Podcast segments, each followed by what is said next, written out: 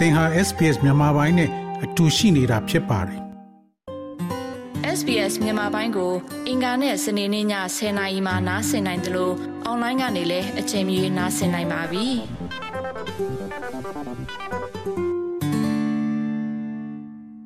အော်တိုဘာ29ရက်မှာစတင်ခဲ့တဲ့တစ်တုံညာနှစ်ခွန်စီစဉ်ရေးဟာအာနာသိမ့်မှုနောက်ပိုင်းရလက်အကောင်းဆုံးပြရုပ်တစ်ခုဖြစ်ခဲ့ပါတယ်။ ရှမ်းပြည်နယ်မြောက်ပိုင်းတလျှောက် ထိုးစစ်ဆင်ခဲ့တဲ့ ဒီလှုပ်ရှားမှုဟာ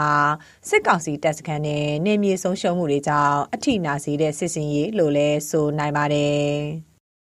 စစ်ကောင်စီဘက်ကတော့ ချင်းရွှေဟော် ဖောင်းဆိုင်နဲ့ကျူကုတ်ပန်ဆိုင်မြို့သုံးမြို့ကို လက်လွတ်ဆုံးရှုံးခဲ့ရတယ်လို့ ထုတ်ဖော်ပြောဆိုလာပြီး ပြန်လည် ချေမှုန်းသွားမယ်လို့ စစ်ကောင်းဆောင် ဗိုလ်ချုပ်မူကြီး မင်းအောင်လှိုင်က အောက်တိုဘာ2ရက် ပြည်ထောင်စုအစိုးရအဖွဲ့ အစည်းအဝေးမှာ ပြောဆိုခဲ့ပါတယ်။ ဗိုလ်ချုပ်စော်မင်းထွန်းကလည်းချင်းရွှေဟော်လောက်ကိုင်လာရှိုကွန်းလုံတိန်နီမြို့တို့မှာတံပြန်ဆောင်ရွက်မှုတွေလှုပ်ဆောင်နေပြီလို့အတီအလင်းထုတ်ဖော်ပြောဆိုထားပါတယ်ဒီလိုပြောဆိုမှုတွေနဲ့အတူနမ်ခမ်းပန်ဆိုင်ကျုကောကြောက်မဲနောင်ချုံနဲ့တိန်နီမြို့တွေမှာလေကြောင်းနဲ့ဘုံကျဲတိုက်ခိုက်ခဲ့တယ်လို့ဒေတာခန်တွေကဆိုကြပါတယ် စစ်စင်ရေးဖော်ဆောင်မှုမှာပါဝင်တဲ့တအန်းအမျိုးသားလွတ်မြောက်ရေးတပ်မတော် TNL ပြောခွင့်ရကတော့စစ်ကောင်စီရဲ့ဘုံကျဲတိုက်ခိုက်မှုတွေကြောင့်20ဦးထက်မနည်းသေဆုံးခဲ့တယ်လို့ဆိုပါတယ်။လက်ရှိအချိန်တိုက်ပွဲတွေပြင်းထန်နေတဲ့နမ်ခမ်းဒေတာခန်တူကလင်းပြန်နဲ့လဲလာပစ်တယ်ဆိုတော့ အာနေနေနာနာဆိုတော့အကုန်လန့်လန့်နေကြတာအဲအဲ့ဒီလက်နဲ့ပစ်တေးတေးလေးပစ်တာကိစ္စမရှိဘူးကွာကိုရှောင်လို့ရတယ်အဲ့ဒီလေရင်နဲ့ဘုံလာပစ်ချတာကဘယ်လိုရှောင်ထွက်မှာတော့ဟုတ်တယ်မလားဟိုးဆင်းကြီးလိုက်တာကိုကုံတကားပိတ်ပြီးမှကလေးအောက်မှာပဲပုံနေကြတာအတန်းအရင်ကျဲဒီစစ်စင်ရေးကိုတအန်းအမျိုးသားလွတ်မြောက်ရေးတပ်မတော် TNL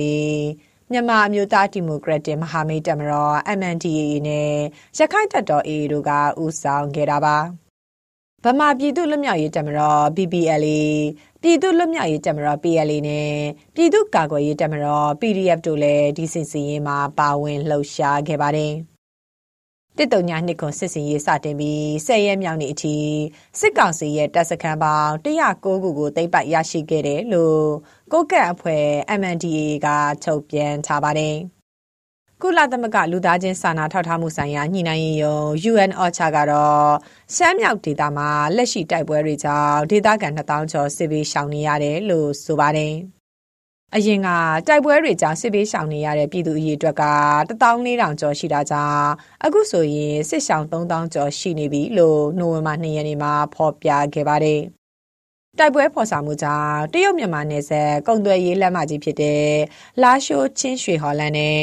လာရှိုး မူဆယ် ပြည်တော်စုလမ်းမကြီးကို ပိတ်ထားခဲ့ပါတယ်။ဒါကြောင့် ဒေသတွင်း ကုန်စည်နှုန်းတက်ကြတွေကို ရင်ဆိုင်နေရပြီး ဆက်သွယ်ရေး ဖုန်းလိုင်းတွေလည်း ဖြတ်တောက်ခံထားရတယ်လို့ ဒေသခံတွေစီက သိရပါတယ်။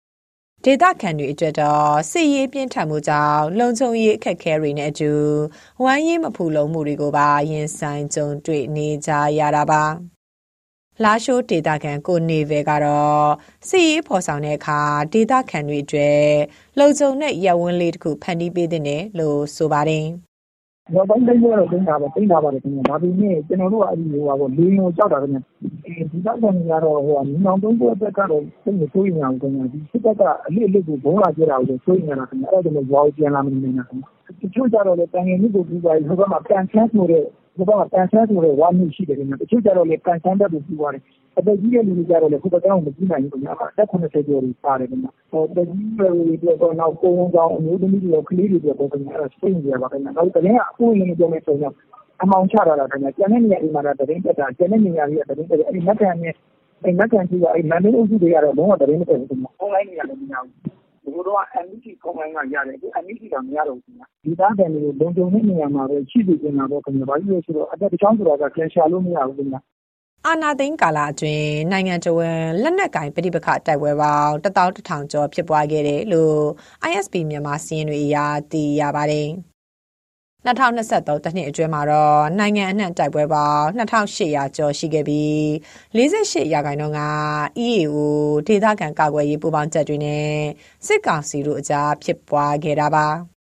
41ရာခိုင်နှုန်းကျော်ကတော့ဒေသခံကာကွယ်ရေးတပ်ဖွဲ့တွေနဲ့စစ်ကောင်စီကြားဖြစ်ပွားခဲ့တာဖြစ်ပါတယ်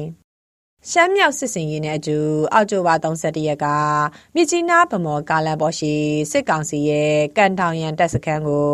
ကချင်လွတ်မြောက်ရေးတပ်မတော် KIA ကတင်ယူခဲ့ပါတယ်။အဲ့ဒီနောက်နိုဝင်ဘာ၁ရက်ကစပြီးစစ်ကောင်စီဘက်က KIA ဌာနချုပ်ရှိရာလိုက်စာကိုပုံကျဲတိုက်ခိုက်ခဲ့ပါတယ်။ ရှမ်းမြောက်နဲ့ကချင်ပြည်နယ်မှာစစ်ရေးပြင်းထန်နေချိန်မှာပဲစကိုင်းတိုင်းအတွင်းကော်လင်ဝင်းတိုကလေးတမူးနဲ့ကန့်ခေါမြို့တွေမှာတိုက်ပွဲတွေဇက်တိုက်ဖြစ်ပွားခဲ့ပါတယ်။မနေ့ကတော့ကော်လင်းမြို့ကိုအအောင်မြင်မြင်တိုက်ခိုက်သိမ်းပိုက်နိုင်ခဲ့တယ်လို့ဂျာကာလာအမျိုးသားညီညွတ်ရေးအစိုးရ NUG ရဲ့ကာကွယ်ရေးဝန်ကြီးဌာနကသတင်းထုတ်ပြန်ထားပါတယ်။ ကောလင်းမြို့နယ်မှာတိုက်ပွဲဖြစ်ပွားရာ၃ရက်ကြာကာလအတွင်းစစ်ကောင်စီလေကြောင်းတိုက်ခိုက်မှုတွေကြောင့်နေအိမ်ပျက်စီးမှုနဲ့အရက်သားထိခိုက်မှုတွေလည်းရှိနေတယ်လို့သိရပါတယ်။တအာအမျိုးသားလူမျိုးရေးတမတော် TNL ဒုဗိုလ်မှူးကြီးတာအိုက်ကျော်ကတော့စစ်ကောင်စီရဲ့အရက်သားတွေကိုပြစ်မှတ်ထားတိုက်ခိုက်မှုကိုကာကွယ်သွားပြီးစီရေးဖော်ဆောင်နေတာဖြစ်တယ်လို့ဆိုပါတယ်။အာတိုက်ပွဲဖြစ်တဲ့အချိန်လဲဒီအတန်းနဲ့ဆုံးဒီ ဟာလူထုကိုစီးရရဥမာဆင်ကျွန်တော်ရှိတဲ့နားမှာဆင်တော့အာဆရာဆာပဲလီကြောင်းတုံးပြီးမှတက်ခိုက်တာတွေရှိတယ်အာလက်နေကြီးနဲ့ပြစ်ခတ်တာတွေရှိတယ်အဲဒါလည်းကျွန်တော်ဒီလူထုတွေကျူကျူပြီးရှောင်လာခိုင်းတယ်ဒီလီကြောင်းရနေကဝယ်ဖို့ဒီထိုင်ရမယ်ဟိုပုံစံလေးတော့တော့ရှောက်ဒီအောက်ရှိမှာတော့ ဒီအတိအတိပညာပေးထားပါတော့။ဥမာပုံကိုချင်းတို့တူရလို့တချို့စင်တော့ဒီအာရှောင်ထားဖို့ယူပြီးအတိပေးထားတယ်။အာကျွန်တော်အနေနဲ့ဒီဒီလူထုရှိတဲ့နေရာဆိုရင်တွတ်တိုက်တာတော့တိတ်မရှိဘူး။အာကျွန်တော်တိုက်ပွဲမင်းကစင်ကျွန်တော်တိုက်ပွဲဖြစ်တာတော့အာပြိုလွေနဲ့နောင်ချိုလာမကြီးပုံမှာဖြစ်တယ်တကယ်တကယ်ဒီစီကောင်စီဘက်ကလက်နေကြီးတွေပြတာအနာမရှိတဲ့ဒီအာရွှေညောင်ပီရွာတို့အဲ့ဒီဆမ်ဆေရွာတို့အဲ့ရွာတွင်းတွေပါအကုန်လုံးဖြစ်တယ် အာအဲ့လိုမျိုးလူကြီးတွေထိခိုက်တာမျိုးရှိတယ်ရှမ်းမြောက်မှာဆိုပြည်သူစစ်အဖွဲ့အပါအဝင်တပ်ရင်းတစ်ခုလုံးတိုင်းရင်းသားလက်နက်ကိုင်အဖွဲ့အစည်းဗက်ပြောင်းခိုလုံတာတွေနဲ့လက်နက်ခဲယမ်းတင်ယူရရှိမှုတွေရှိနေတယ်လို့အဖွဲ့အသီးသီးကထုတ်ပြန်ထားပါတယ်။နိုဝင်ဘာ၂ရက်မှာတော့ရှမ်းမြောက်တိုက်ပွဲကိုအပြစ်အခတ်ရက်စဲဖို့လက်နက်ကိုင်အဖွဲ့အစည်းတွေကိုတရုတ်ပြည်သူ့လုံခြုံရေးဝန်ကြီးကတိုက်တွန်းခဲ့ပါတယ်။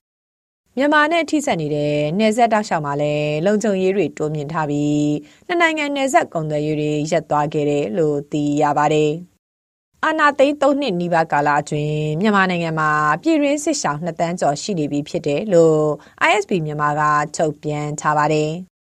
လက်တလောတိုက်ပွဲတွေကြောင့်ပြည်နေရတဲ့ရှမ်းမြောက်ဒေသခံတွေကတော့ဘေးလွတ်ရာတရုတ်နေမြေတွေနဲ့နှိစက်ရာတောတောင်တွေဆစ်ရှောင်နေရတယ်လို့ ကုညီကယ်ဆယ်ရေးလှုပ်ဆောင်နေသူတွေစီကသိရပါတယ်။စစ်ရေးပဋိပက္ခနဲ့နှစ်ဖက်တင်းမာမှုအခြေအနေတွေကြောင့်ကုညီကယ်ဆယ်ရေးလုပ်ငန်းတွေကိုမလုပ်နိုင်ဘူးလို့ပြောလာသူကမူဆယ်ပရဟိတကုညီကယ်ဆယ်ရေးအသင်းအဖွဲ့သားတူပါကယ်ဆယ်မှုတွေအခုမှတော့တိတ်တော့မလုပ်ဖြစ်ဘူးကြမလုပ်ဖြစ်ဘူးလားဒီဟာလေးကတော့ပြတ်တောက်နေတယ်အဲအကြောင်းမို့ ဌာနဆိုင်ရာတွေနဲ့ဝန်ထမ်းတွေလည်းမရှိတဲ့အတွက်ကားတွေလည်းအပြည့်အစုံမလုပ်ဘူးဆိုတော့ဒီသက်သာလေပေါ့တရားငါမိုင်တို့နန်ခမ်းတို့တိမ်ကြီးတို့လာရှိချောင်းနဲ့အပတ်ကတော့ပြောတော့ပြောတော့ဖြစ်တစ်တုံညာနှစ်ခွန်စစ်စင်ရေးကစစ်ရေးဖော်ဆောင်တာအပြင်အွန်လိုင်းလောက်ကစားမှုငွေကြေးလိမ်လည်မှုနဲ့ကြားဖြတ်ရာဇဝတ်မှုကိုပါတိုက်ဖြတ်သွားမှာဖြစ်တယ်လို့ညီနောင်သုံးပေါ်အဖွဲ့ရဲ့ထုတ်ပြန်ချက်မှာပါဝင်ပါတယ်။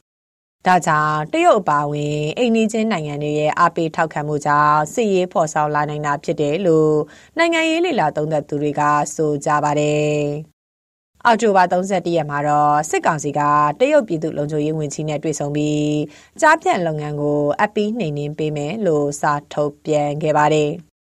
တစ်တုံညာနှစ်ခွန်စစ်စင်ရေးနဲ့အတူပဋိပက္ခနယ်မြေကျဲပြန့်လာပြီးစစ်ကောင်စီအတွက်ကျင်းတဲ့ကြက်တဲ့အခြေအနေဆက်ရောက်နေတယ်လို့စစ်တပ် CDM အတိုင်းဝိုင်းကလည်းထောက်ပြကြပါတယ်အခုလောလောဆယ်မြို့တွင်းမှာအဖက်မှလည်းစကန်မထိုင်ထားတဲ့ခါကျတော့ပြောရဆက်တယ်သူကသိလို့ဘသူကအုပ်ချုပ်လို့ထိန်းချုပ်လို့ထိန်းချုပ်မှမရှိတာလို့လေလုံချုံရေးလို့ပြောအမခံပြောလို့တော့မရဘူးငကိုဆောင်တဲ့နေရာမှာတော့လာအိတ်ကြတယ် တခါတစ်ချက်တစ်ချက်တွေလက်နက်ကြီးတွေကျကြလာလို့လေအဲ့ဒါအိမ်ကြီးမတက်ဘူးအိမ်ခန်းထဲမှာပဲပြေးဒီမညာငါးနိုင်နောက်ပိုင်းဆိုဒီလိုပဲနေကြတယ်ပြီးတော့မှဆမဟိုပိတ်တာလားမပိတ်တာလားတော့မသိဘူးမဲ့တော့လို့မသွားကြတာတော့ရှိတယ်တိုင်းရင်းသားဒေသခံပြည်သူတွေဟာစစ်ပွဲရဲ့အဆိုးကျိုးတက်ရောက်မှုတွေတိုင်းမှာမြေစာပင်အဖြစ်ဖြတ်တန်းခဲ့ရပါတယ်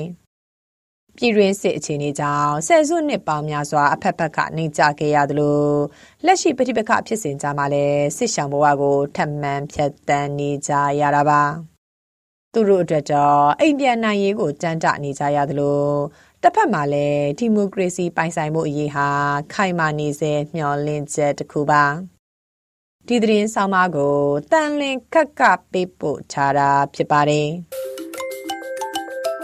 SBS မြန်မာပိုင်းကိုနားဆင်ရတာနှစ်သက်ပါတလား Facebook မှာဆွေးနွေးမှုတွေကိုဆက်ကြရအောင်ပါ SBS မြန်မာပိုင်း Facebook ကို Like လုပ်ပြီးတော့သင်ချင်တဲ့ချက်ကိုမျှဝေနိုင်ပါတယ်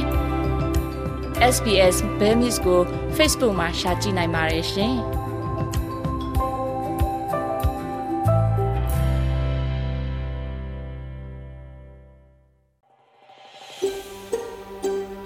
ဒါမျိုးသတင်းဆောင်မတွေကိုပိုနားဆင်လိုပါလား Apple Podcast Google Podcast Spotify တို့မှာသင်ပင်ရာဖြစ်ဖြစ်ရယူတဲ့ podcast ကနေပါ